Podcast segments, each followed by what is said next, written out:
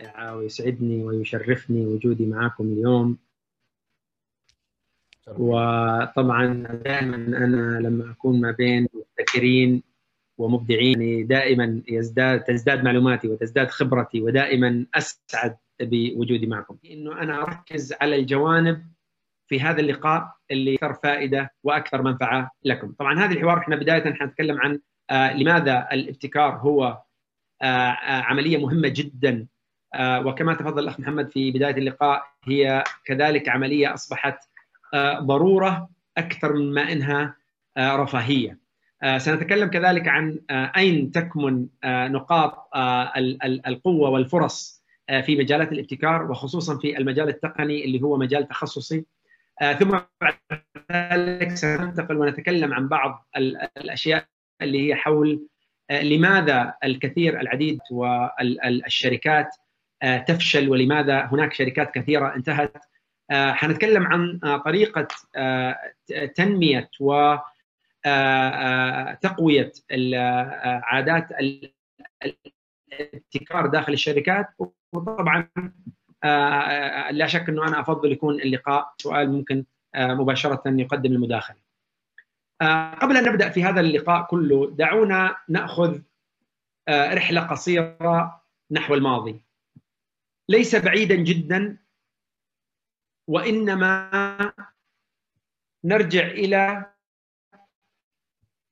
تحديدا عام يعني قبل ما يقارب 65 سنة. أنا أعتقد يقينا والله أعلم انه كل الموجودين لم يكونوا مولودين في تلك الحقبة.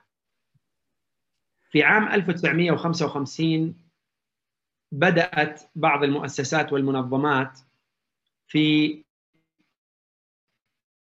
متابعة ما يسمى الولايات المتحدة الأمريكية بالفورتشن 500 عبارة عن منظومة تضم أكبر الشركات في ذلك الوقت من ناحيتين الناحية الأولى كبر الشركة وحجمها من ناحية عدد الموظفين وكذلك من ناحية أخرى يعني قيمة الشركة السوقية ومن الناحية الأخرى كذلك هي عملية الدخل بالنسبة لهذه الشركات.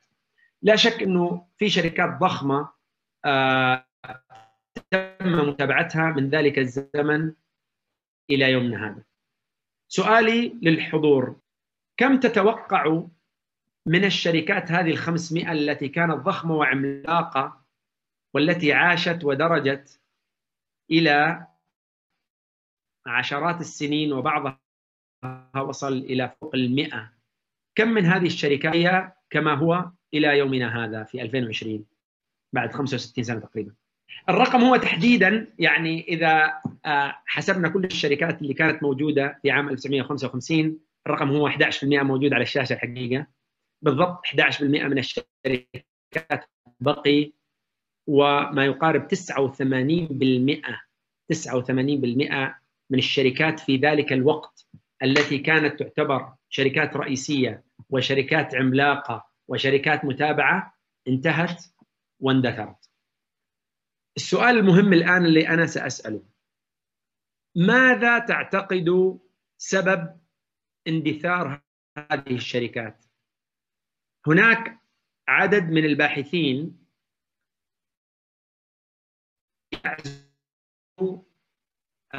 اندثار هذه الشركات إلى سبب رئيسي. سبب يغفل عنه الكثير. لا شك اولا دعوني أؤكد إنه كل الكلام اللي ذكر آه صحيح 100% وسنتطرق إليه لاهميته في عمليات الابتكار لاستدامة الأعمال.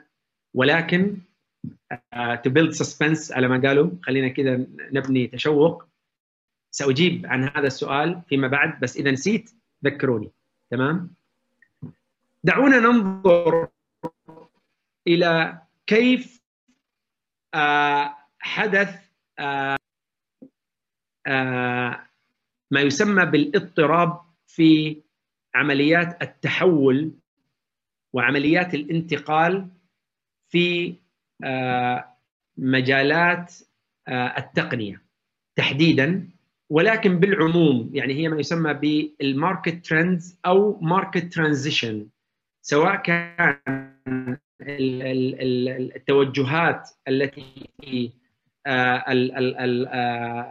في العمل أو التوجهات في المجتمع أو عمليات الانتقال وعمليات التحول في المجتمع اللي هي تسمى بماركت ترانزيشن.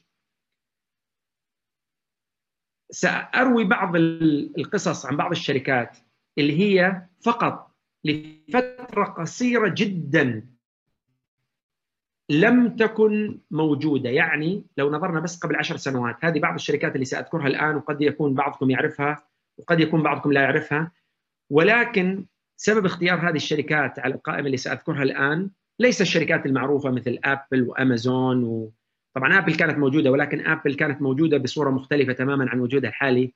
ابل وأمازون ويوتيوب و ومشتقاتها من الواتساب وغيرها. اوبر وليفت وغيرها إلى آخره. لن نتكلم عن هذه الشركات بسبب شهرتها وسبب ضخامتها. سنتكلم عن بعض الشركات التي جاءت في فترة أقل جدا من الشركات الأخرى التي ذكرتها وكيف أحدثت اضطراب كبير جدا في مجالات تحولات اللي نذكرها اللي هي market transition and or market trends. على سبيل المثال فقط في 2013 هناك شركة أنشئت تسمى بدور داش.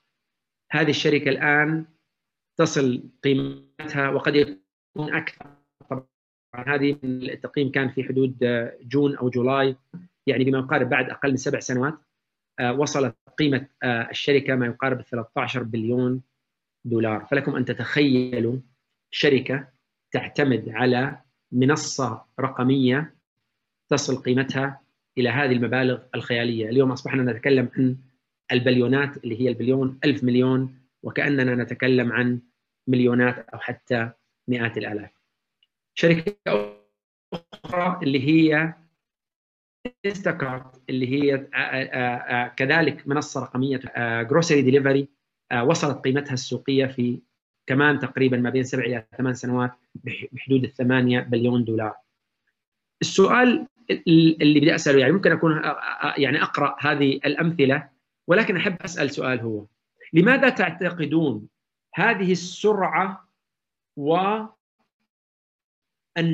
التصاعدي في آه هذه الشركات بهذه السرعة وبهذا الحجم الذي نراه يعني مثلا شركة تصل الآن زي سوت كيس هذه قيمتها إلى تقريبا واحد فاصلة يمكن نصف بليون في فترة يمكن لا تتجاوز الأربع إلى خمس سنوات. وهناك الكثير من الأمثلة. على فكرة ليس فقط في مجالات التقنية وإنما في مجالات كثيرة والسوقية في أعداد خيالية. يعني مثلا إذا نظرنا في روبن هود ما أدري إذا بعضكم يعرف ما هو روبن هود وإنما روبن هود هو عبارة عن تطبيق لعملية البيع بيع وشراء الأسهم في ال market الأمريكية. وهذا يعني أحدث ثورة كبرى جدا في عملية التجارة. لأسهم الشركات. والى الآن يعني لا زال التقييم الشركة قائم. هي قاربت على 9 بليون دولار في عمر لا يتجاوز السبع سنوات. سؤالي لكم هو لماذا تعتقدوا هذا التسارع الكبير التسارع التصاعدي في حجم الشركة؟ لو نظرنا سابقا نجد إنه الأحجام اللي وصلتها الشركات هذه اللي الآن نتكلم عنها قبل حوالي أكثر من نصف قرن نجد إنه هذيك الشركات اولا لم تصل إلى هذه الأحجام بهذه السرعة. وأمر آخر إنه كان نموها قريب إلى اللي ما يسمى باللينير اللي هو يعني المعادلة احاديه المتغير يعني كانت نموها كان بطيء ويعني عادي منطقي وإنما هذا النمو يكاد يكون يعني غير منطقي. سؤالي الآن للأخوة والأخوات لماذا تعتقد هذا النمو السريع والنمو التصاعدي؟ exponential growth. هناك مسح أو survey تمت لبعض ال business executives اهميه الابتكار and the importance of innovation for their companies. الحقيقة يعني هذا يثبت إنه يمكن أنا أعتقد لو عملت هذه ال survey قبل عشر سنوات أعتقد الأرقام ستكون مختلفة تماما عن ما هي عليه اليوم وأنا سأذكر بعض الأمور التي يعني لمستها شخصيا عن خبرة في مجالات التعامل مع القطاعات الخاصة والقطاعات الحكومية في عملية في مجال التحول الرقمي. فبداية دعونا ننظر آه، كانت الإجابة من تقريبا بحدود 84% من صناع القرار في آه، قطاع الأعمال أنهم متفقين تماما أن الابتكار يؤسس لعمليات النمو التصاعدي آه، لاستراتيجيه الشركات. أمر آخر أنه تقريبا بحدود آه، يعني ما يقارب 40% من الذين المسح أو هذه السيرفي قالوا بأنه نشاط الابتكار واستراتيجية الابتكار التي بنوها لا شك أنها أدت إلى نتائج إيجابية جدا في عمليات التحول داخل قطاع الأعمال أو قطاع الشركة الذي هم فيه. 79% أكدوا أنه يعني 79% strong innovators reported that they have properly digitized the innovation process. طبعا إحنا نتكلم عن موضوع التحول الرقمي وكيفية الديجيتايزيشن إلا أنه هذه الأرقام تشير إلى أمور ملموسة كيف أن المؤسسات والشركات وحتى الأفراد لابد يكون من اعتماد مباشر ورئيسي على عمليات الابتكار لخلق آه، آه، تنافسية أقوى لهم بكافة المجالات سواء كانوا في قطاعات بيع التجزئة أو في القطاعات المصرفية أو في قطاعات الخدمات أو في قطاعات اللوجستية وال supply chain أو في قطاعات الخدمات الحكوميه إلى آخره. سميها ما شئت. أنا في اعتقادي أن الابتكار سيلعب دور من قطاع الزراعة إلى قطاع الفضاء وكل القطاعات التي بينهم. قطاعات سواء كانت صغيرة أو كبيرة القطاعات الصحية قطاعات التعليم قطاعات ال transportation والنقل قطاعات التصنيع إلى آخره سميها ما شئت ممكن أسمي العديد جدا من القطاعات التي آه، آه، ستتأثر بدون أدنى شك بهذا الاضطراب الحاصل لذلك عمليات الابتكار الاستراتيجيه الرئيسية هي أمر مهم جدا آه، لهذه القطاعات وهذه المؤسسات. إذا نظرنا كيف أن العالم يتغير من حولنا لعلنا نلقي نظرة مقربة حول آه، أين تكمن الفرص للمبتكرين. آه، كمان كما تفضل الأخ محمد في المقدمة ولعلي عرجت على هذا الموضوع قليلا أن الآن عمليات الابتكار innovation في كل قطاعات الشركة أو المؤسسة هي أصلا رفاهية. هذا الأمر مهم. يعني يمكن إذا ما استطعت أني أوصل الفكرة بأي طريقة إلا هذه تكون تكفي. أن عمليات الابتكار وعمليات التحول الاستفادة من النقلات النوعية التي تحصل في حياتنا ما يسمى ب market transition هي تعتبر دعيمة رئيسية من الدعائم ل survivability واستمرارية واستدامة الأعمال. اليوم العالم يتغير من حولنا ويمكن هذه الصورة أنا عملتها في أحد العروض آه، في أحد اللقاءات قبل تقريبا يمكن حوالي ثلاث سنوات. هذه الصورة تحديدا قبل حوالي ثلاث سنوات. إذا نظرنا اليوم كل ما في هذه الصورة لا زال حقيقي اليوم وهو مهم أكثر من أي وقت مضى. إذا نظرنا من الجهة اليسار لهذا يعني الميزان خلينا نقول نجد أن هناك عوامل كثيرة جدا متغيرة سواء كانت من ناحية طريقة الأعمال وطريقة التعامل وتوقعات الناس ومتطلباتهم من عمليات العولمة وال global market من ناحية ال cyber security ولكن هناك أمر مهم جدا. طبعا ليش أذكر هذه ولماذا أتيت بهذا يعني سلايد آه، من ثلاث سنوات؟ لأنه أنا أذكر كان يعني لحد حتى ثلاث سنوات مضت كان في صعوبة من إقناع كثير من صناع القرار بأنه التحول فعلا سريع جدا ولكن سبحان الله يعني نسأل الله عز وجل أن يحفظ الجميع في أواخر 2019 شاء الله سبحانه وتعالى أنه جاء هذا الوباء الذي نسأل الله سبحانه وتعالى أن يرفعه ويكشفه عنا وعن جميع الناس أجمعين في كل مكان. وهنا وجد الناس أنفسهم تقريبا يوم إلى آخر في تماما يعني وضع مختلف يعني في يوم كنا بوضع وصحينا ثاني يوم وجدنا أنفسنا بوضع مختلف تماما. هنا بدأ الكثير من المسؤولين سواء كان في الشركات أو في المؤسسات أو في القطاعات يبحثوا عن حلول وهنا بدأ تسريع الكثير جدا من المشاريع التي كانت متوقفة أو كانت متعطلة أو كانت الدراسة لدرجة إنه إحنا وجدنا إنه الكثير من المشاريع التي كانت تحتاج أحيانا نفذت وطبقت في أسابيع لماذا لأن هؤلاء صناع القرار وجدوا أنفسهم مضطرين إلى إيجاد حلول عملية في أوقات قياسية. على الجانب الآخر نجد أن هناك كما ذكرت market trends، technology trends، I call them disruptive technologies. طبعا هذه الصورة قد توضح يمكن المثال أفضل. disruptive technology هذه كذلك سرعت يعني كيف أنت لما يكون عندك اللهم عافينا يعني مثلا في نار وأنت تزيد وتشعل ال ال تشعلها بالوقود هذه كان يعني التحولات التي تحصل من جهة وكذلك ال disruptive trends and disruptive technologies من جهة أخرى سارعت وسرعت وسا بصورة كبيرة جدا عمليات التحول التصاعدي اللي هي ال exponential speed of change طبعا من هذه ال technologies كما تكلمنا أنا في نظري يمكن دائما أذكر هذا الكلام أن ال artificial intelligence والذكاء الاصطناعي هو ال mother of all trends هو fueled by ال data analytics تمام؟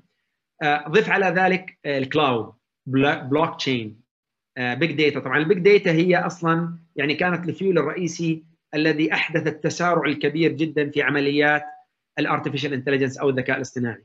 Internet of Things كذلك connecting the unconnected. يعني إحنا عندما نذكر مثلا أن اليوم تقريبا في العالم ما يتجاوز 7.8 مليار والذين لديهم قدرة على التواصل عن طريق الإنترنت هو أقل من 4 مليار بحدود يمكن 3.8 أو حولها من الموصولين على الإنترنت.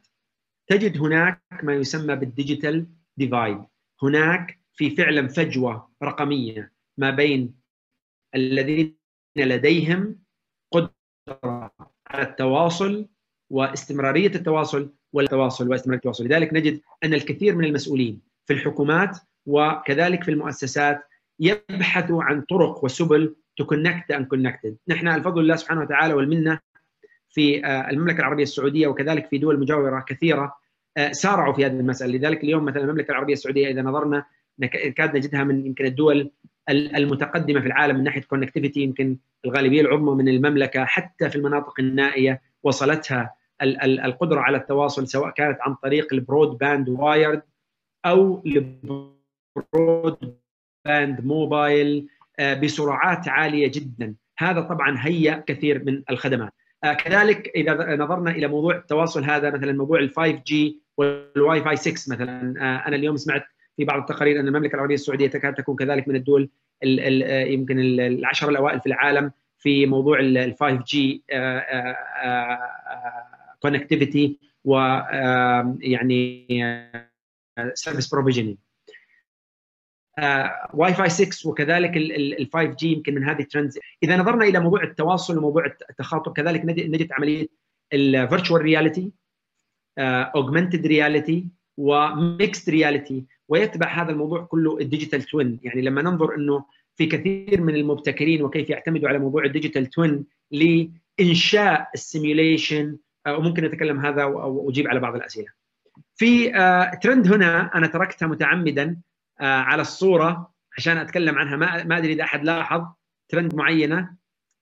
في أحد لاحظ في شيء موجود على الشاشه أنا ما ذكرته؟ نعم ال quantum computing طبعا.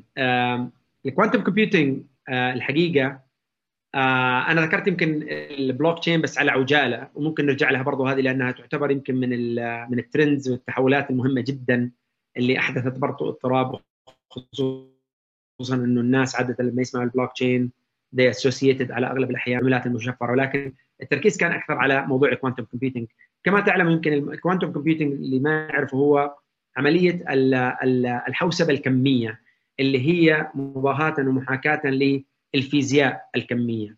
طبعا الحوسبة الكمية آه هذه عندما تصبح حقيقة ستحدث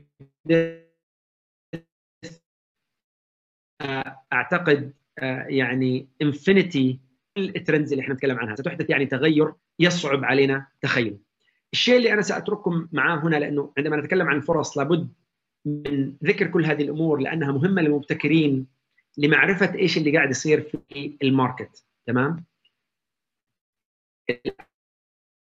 ال artificial intelligence ال artificial intelligence هي تعتبر لكل التحولات والتغيرات اللي إحنا الآن نعيشها. ال artificial intelligence الذكاء الاصطناعي هو مبني على ثلاث دعائم رئيسية. تمام؟ وهذا اللقاء ليس عن ال artificial intelligence بس أنا حقول لكم ليش هو مهم. الذكاء الاصطناعي مبني على ثلاث دعائم رئيسية. تمام؟ الدعيمة الأولى هي عبارة عن أو ال hardware اللي هو بيعمل العمليات الحسابية. هي عمليات ال data لأنه كما تعلموا إنه هو عبارة عن الذكاء الاصطناعي هو عبارة عن algorithm neural networks تحاكي طريقة تفكير الإنسان وطريقة تعلم الإنسان وتعتمد اعتماد كلي على data سواء كانت data with context أو raw data اللي هي بتبنيها عن طريق supervised learning unsupervised learning إلى آخره. Natural language processing وما إلى هنالك من ال sub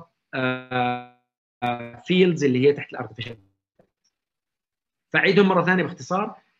ال hardware أو وال artificial intelligence algorithm أو ال AI algorithm نفسها اللي هي عباره عن ال programs اللي اللي بتعلم الكمبيوتر. تمام؟ في واحدة من هذه الدعائم الرئيسية هي ال compute.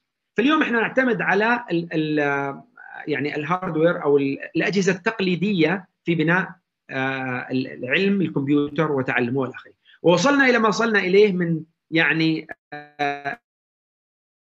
ثورات عظيمة جدا في مجال التقنية لكم أن تتخيلوا عند ال quantum computing ما هو التغيير الذي سيحدث وعملية التسارع التصاعدي في قدرة الكمبيوتر على التعلم ووصوله إلى مراحل ما كان يتخيل الإنسان أنه هذا سيصل إليه.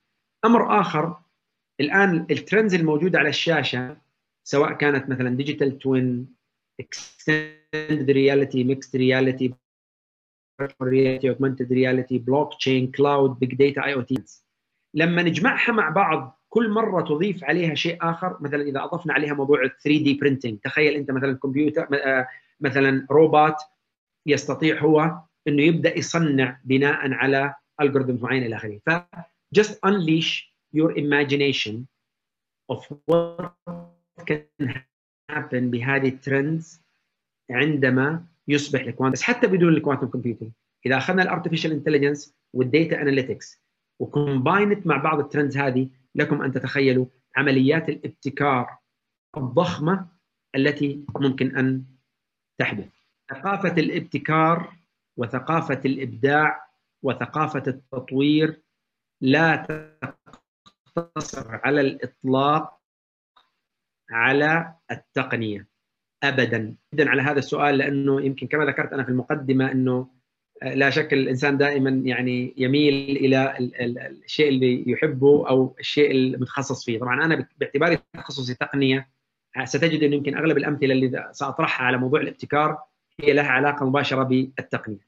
ولكن إجابة على سؤالك بصورة مباشرة ابدا آه ثقافة الابتكار أنا دائما مرة لعمليات التطوير والابتكار في مجال ال human resources وذكرت أن في نظري أن الابتكار هو من المطبخ إلى سفينة الفضاء وكل ما بينهم.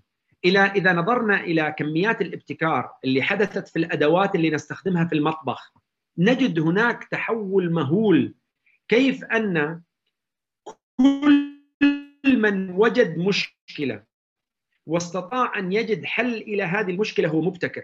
بعض الشركات كذلك اللي ذكرتها هي ليس كلها في التقنية مثلا سواء كانت الشركة اللي ذكرتها عن ال scooter وال bike اللي هي لها علاقة في الدراجات الشركة اللي ذكرتها عن موضوع ال suitcases هناك كثير كثير شركات جدا وجدت لها مجال تطوير ومجال ابتكار ومجال إبداع ومجال تحسين حياة الناس في مجالات ليس لها علاقة بتقنيه المعلومات. هي قد تكون تقنية ولكن ليس لها تقنية المعلومات. فاجابه على سؤالك نعم الابتكار هو ثقافة لا يعتمد على جزئية معينة.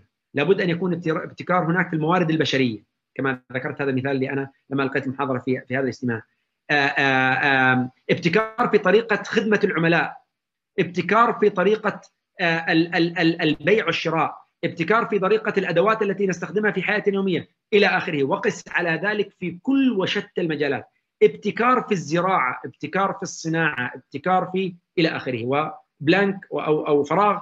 املأ الفراغ بما شئت من المجالات التي نعرفها والمجالات التي لا نعرفها. فنعم الابتكار هو ليس محجور فقط على مجالات التقنية. أنا راح أجاوب على جزء منه الآن وراح أجاوب على جزء منه في النقاط اللي أنا حأطرحها الآن بعد دقائق. لا شك إنه الابتكار خلينا نعرف الابتكار تمام؟ الابتكار هو عبارة عن إيجاد حل لمشكلة. أنا ممكن أسرد عليكم حتى المهتمين ممكن يتواصلوا معي عن طريق تويتر وأشارك معهم بعض الروابط. لكثير من الإبداعات اللي أحدثها الإنسان ولكن للأسف الشديد ماتت. هي كانت مجرد رفاهية لم تكن حلول لمشكلات.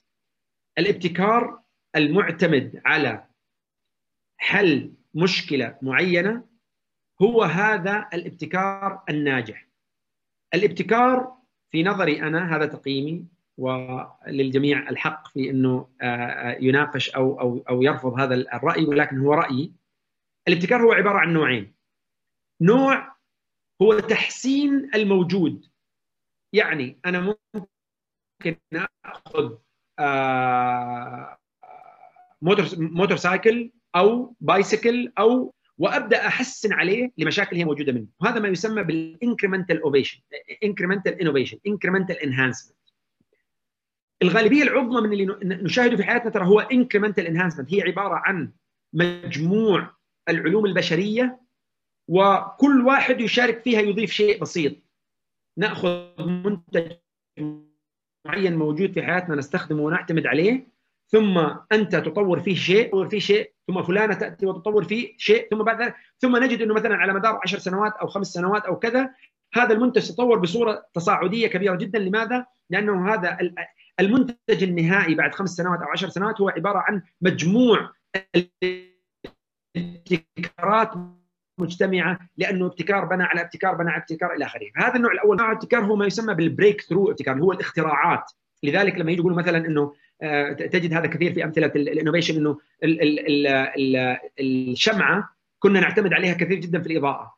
فاللمبة هي ليست عملية تطوير مستمر للشمعة وإنما breakthrough innovation فاللمبة تعتمد على ال electricity اللي هي أصلا بدأت تقريبا قبل حوالي أكثر من 150 سنة أو حولها لما بدأنا باكتشاف الكهرباء التي نتج عنها قدرتنا على إنتاج الضوء إلى آخره. الشاهد من الكلام إنه إحنا لما ننظر إلى الابتكار ما بين الشمعة واللمبة هذا يعتبر breakthrough لأنه انتقال تحول كامل تمام مثلا إذا نظرنا في اوبر اوبر هي تحول كامل ما في شيء قبلها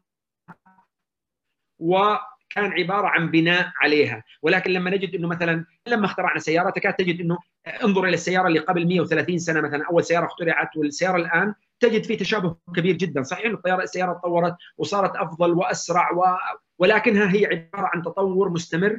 البريك ثرو هنا متى؟ في السيارات اللي هو السياره الطائره تمام؟ فانا ما أدري لعلي لعلي أجبت ساجي سأكمل هذه الإجابة أخ إبراهيم على ما تبقى من سؤالك في, في الأشياء القادمة ولكن النقطه اللي كنت بدي أحكيها هنا عن موضوع إنه اليوم الشركات عملية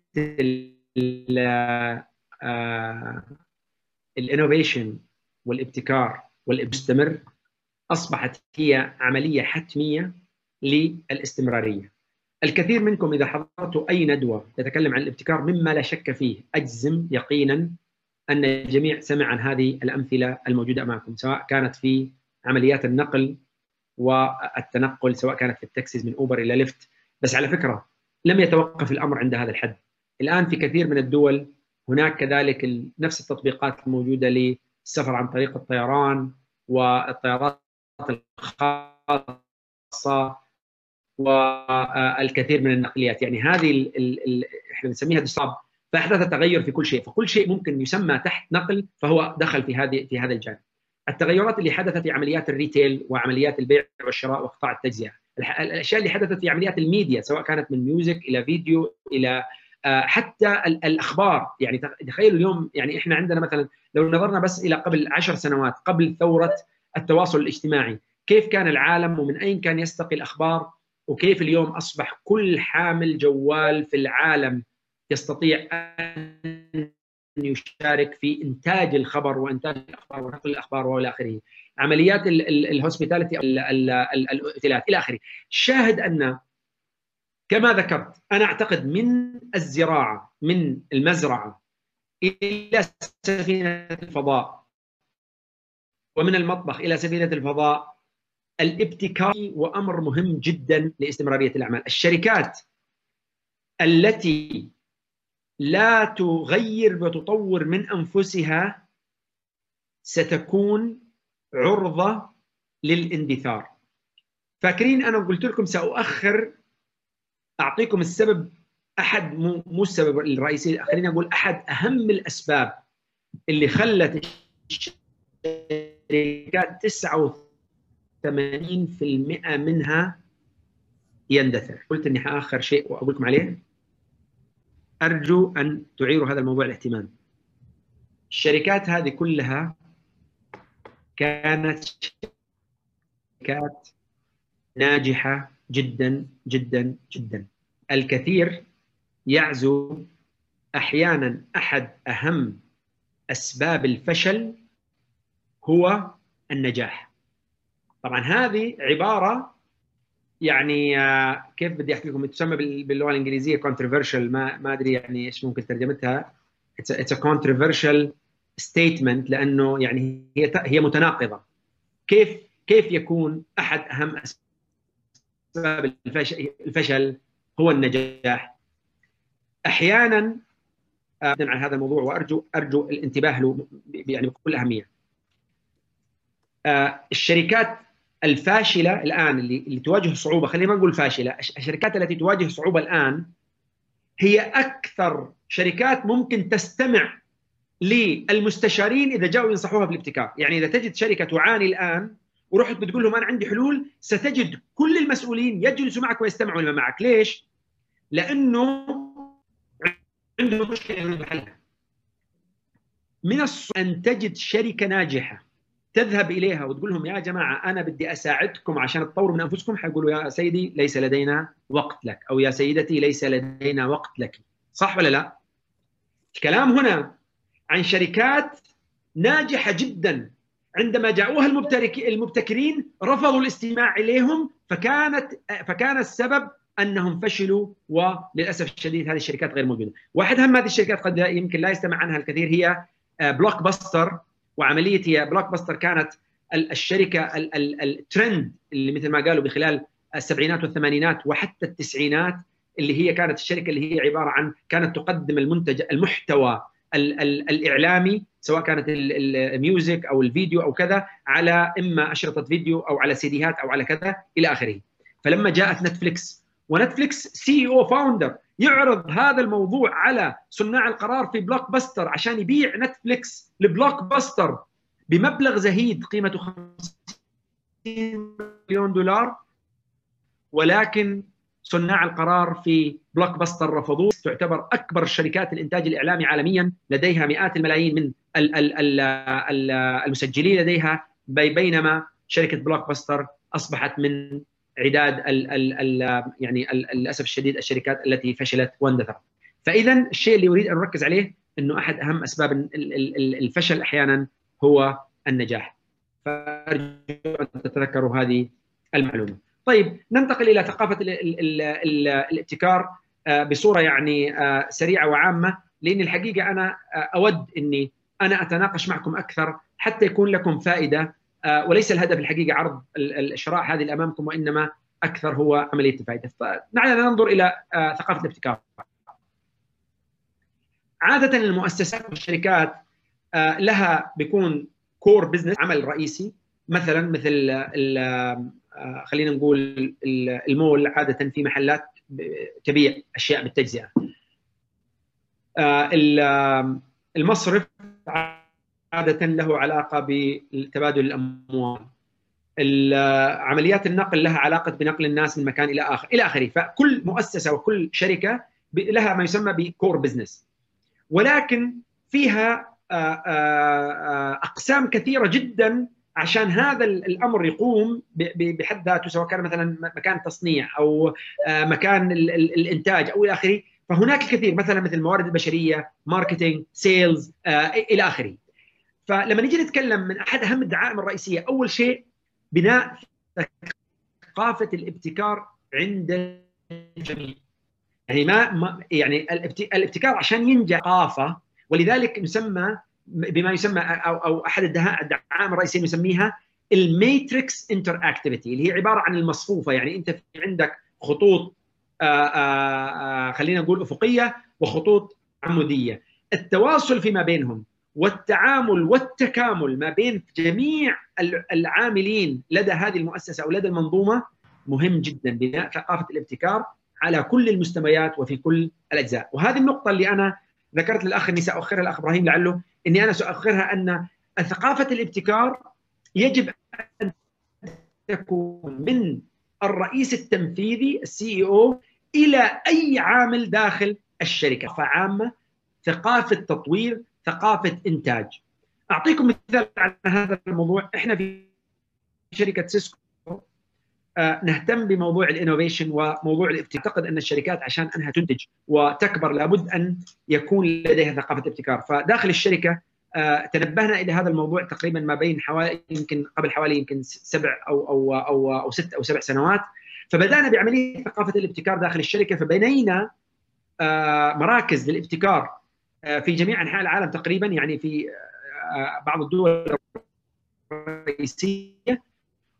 وكذلك بدأنا نحفز عمليات الابتكار بحيث إنه الجميع ممكن يشارك بأفكار كبيرة وأفكار مهمة وطرق لتطوير الشركة. فبدأنا بعمل برامج معينة سميناها مثلا Innovate Everywhere Challenge بحيث إنه رئيس الشركة يتبنى إعطاء جوائز و الاستثمار في بعض الأفكار التي طرحها كثير من الموظفين داخل الشركة في كثير من أماكن العالم، لذلك إحنا عندنا مثلا هنا مركز صغير في في الرياض، عندنا مركز في دبي، عندنا مركز مثلا في سنغافورة، عندنا مركز في تركيا، عندنا مركز في إيطاليا، في فرنسا، في ألمانيا إلى آخره، عدد دول كبير في كندا، في البرازيل on.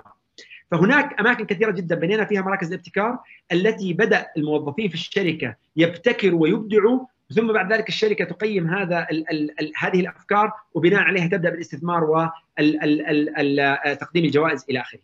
فلذلك عملية الابتكار ثقافة في كل أنحاء الشركة أمر مهم جدا. ثم بعد ذلك تشجيع عمليات التجربة، لذلك إحنا كذلك العرب يمكن وبلادنا مشهورة ويمكن إذا رجعنا إلى العلماء القدامى عند العرب والمسلمين نجد أن ثقافة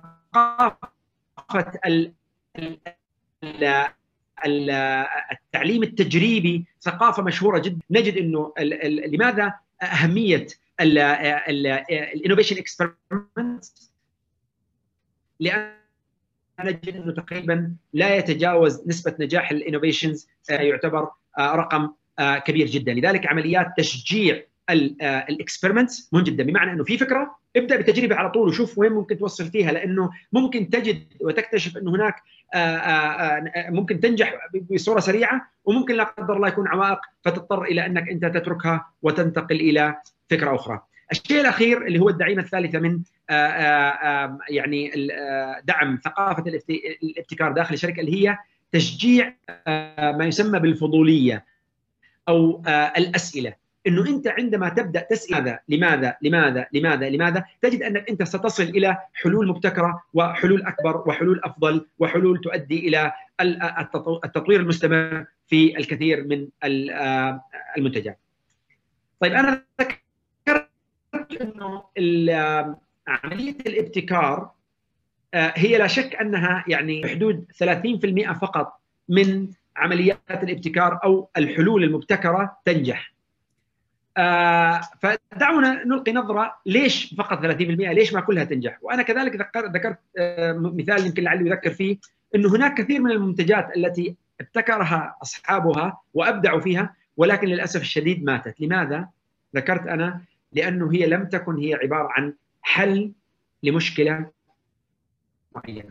اذا في نظري عشان الابتكار ينجح لابد أن يكون من هناك اليوز كيس مشكلة إحنا بنحاول نحلها أو عندنا منتج بنحاول نطوره ثم بعد ذلك إيجاد الفكرة الإبداعية التي تطور هذا الحل. فأنت عندما تجمع هنا هذين الحلين أو هذين الدعيمتين أو هذين الشيئين الرئيسيين تجد إنه أنت س يعني تسرع عملية نجاح هذا الابتكار. اذا هي عبارة عن وجود مشفق أو ثقي تماما أنه عندما يكون الإبداع حتى وإن كان بصورة بسيطة جدا حل لمشكلة موجودة ستجد أو ستجدي أن هذا الحل أو هذا ال innovation سينجح نجاح آه باهر.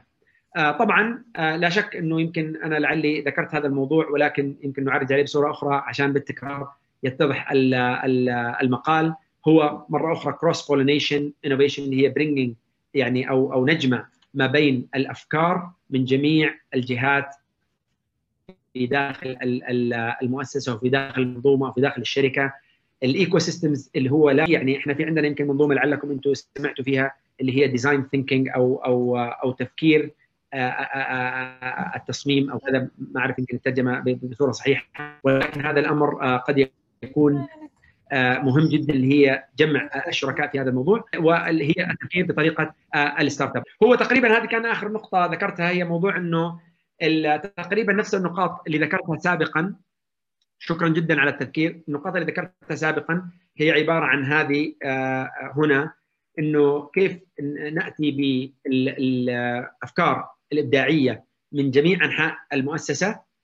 تشجيع عمليات التجربة المباشرة للأفكار الموجودة عشان فعلا نعملها اختبار حقيقي. هل هي فعلا ستنجح ولا ما تنجح؟ وكذلك تشجيع ثقافة الفضولية واسئله السؤال. هنا هذه الثلاثة إضافة على هذه الثلاثة ال cross pollination اللي هي يعني هي عمليات أن نجمع ال يعني كل الأجزاء المهمة. مثلا إذا إحنا نريد أن ننتج منتج معين أو نطور منتج معين لابد يكون التعامل والسؤال مع نفس الناس المهتمين أو الذين سيستخدموا أو الذين سيتعاملوا مع هذا المنتج. وكذلك طبعا ال partnership أو الشراكة في داخل الشركة مرة أخرى من جميع الأقسام ومن جميع الجهات. وأخيرا هي التفكير بعملية ال startup اللي هو إنه دائما نفكر بالسرعة لسرعه الانتقال من من من مرحلة إلى أخرى ولا نفكر بطريقة بناء ال procedure وال processes اللي هي تأخذ وقت طويل جدا. طبعا ختاما يعني إذا نظرنا مثلا في موضوع الابتكار هناك دروس معينة ودروس كثيرة جدا نتعلمها من ال ال يعني الابتكار. اولا بداية كما ذكرت لابد التفكير من شيء جديد. دائما الناس يعني لابد التفكير من شيء مهم جدا. دائما الناس تعتقد إنه الابتكار هو مربوط بعملية ال breakthrough ideas. طبعا ال breakthrough ideas مهمة جدا ولكن كما ذكرت أن البريك ثرو آيدياز اللي هي الأفكار الجديدة التي لم توجد من قبل هي نسبة ضئيلة جدا مقارنة بتحصل للأشياء المعروفة. لذلك لابد انه دائما لما نفكر بالابتكار والإبداع نفكر بهذه العقلية. إنه لن يعني يمكن قد يكون مقابل يمكن كل 100 أو أكثر من الأفكار التطويرية هناك يمكن فكرة اللي هي جديدة أو إبداعية أو بريك ثرو فلا بد إنه إحنا دائما نفكر بهذه العقليه الأمر الآخر إنه قد ما يكون هناك يعني زي ما تقولوا يعني الوصفة السحرية. الابتكار يمكن يحتاج إلى الإعادة والتكرار بصورة كبيرة جدا. يكون هذا الابتكار اللي إحنا نريد أن نطوره لابد أن يكون يحل مشكلة وله يعني هدف. يعني يعني لابد انه نعرف أنه في شريحة معينة إحنا نستهدفها بهذا الحل. كذلك إذا وجدت الفكرة لا ينتظر الإنسان لأنه الفكرة اللي أنت أو أنت بتفكر فيها الآن هناك الآلاف وقد يكون الأكثر من الآلاف يفكر فيها. فلذلك السرعة في عملية التطبيق وعملية التطوير مهمة جدا. وكذلك إنه لابد ان نعتقد إنه ثقافة الابتكار هي ثقافة دائما دائما تعادي ما يسمى ب يعني الكمفورت زون إنه أنا الآن إذا أنا ناجح مين أنت عشان أو أنت عشان تيجي تقولوا لي إنه تعال طور نفسك. ما أنا ناجح خلاص. فلذلك هنا دائما لابد الإنسان ينتبه ويكون واعي لهذا الموضوع إنه النجاح لا يعني استمرارية النجاح. لذلك كما قالوا سابقا وعلمونا إنه ليس المهم الوصول إلى القمة ولكن المهم الحفاظ على القمة. عندما يصل الإنسان القمة كيف يحافظ على القمة؟ هنا لابد إنه يصل إلى القمة ودائما هو يكون دائما ناقد لنفسه ويطور من نفسه ويتبنى ثقافة الابتكار. الآن أريد أني أعود على النقطة اللي أنا ذكر سألها الأخ أسامة وأنا أريد أن أجيب عليها. أنا أعتقد إنه كما تفضل الأخ أسامة. زمان كنا دائما ننظر إلى الدول العظمى والدول الكبرى لثقافة الصناعة والتطوير. وأكبر من ذلك كان الشخص عشان يبني شيء أو يبني فكرة كان يحتاج إلى تمويل يتجاوز الملايين أو مئات الملايين أحيانا ويحتاج إلى فريق عمل كبير جدا والى آخره. وقس على ذلك. أنا أعتقد أن اليوم الفضل لله سبحانه وتعالى اولا واخرا ثم بعد ذلك أنا أعتقد أنه بوجود جهاز كمبيوتر وإنترنت أنت اليوم تستطيع أنت أو أنت تستطيع أن تنافس على المستوى العالمي ليس فقط المحلي بل العالمي. وأنا سأذكر أمثلة شركة كريم هي أنشأها إخوان لنا هنا في المنطقة من السعودية ومن الأردن ومن باكستان إلى آخره. ثم بفضل الله سبحانه وتعالى كانت أحد يعني النجاحات التي فرحنا بها عندما تم شرائها من قبل أوبر بمبلغ ضخم جدا. كذلك مثال آخر شركة سوق هي من النجاحات الأولى. أنشئت في دبي وتم شرائها من قبل أمازون. كذلك أنا ممكن أعدد شركات كثيرة جدا. وعلى فكرة إذا تقرأ بداية هذه الشركات هي كانت عبارة عن مجموعة لديهم فكرة وعندهم أجهزة حاسوب ولديهم الإنترنت. أنا أعتقد يقينا انه اليوم الساحة فتحت للجميع. بغض النظر عن اللون أو الجنس أو العرق أو اللغة وإنما إذا لديك فكرة فأنت تستطيع أن تأخذ هذه الفكرة من صفر إلى شركة مليارية أو ما يسموها بيونيكورن أو وعيده القرن في فترة وجيزة جدا جدا جدا. والتوفيق من الله سبحانه وتعالى. ونراكم على خير. وأنا موجود على تويتر. ممكن تسألوني في أي وقت. وجاهز بإذن الله للإجابة على أي أسئلة عندكم. والله يحييكم. نراكم على خير باذن الله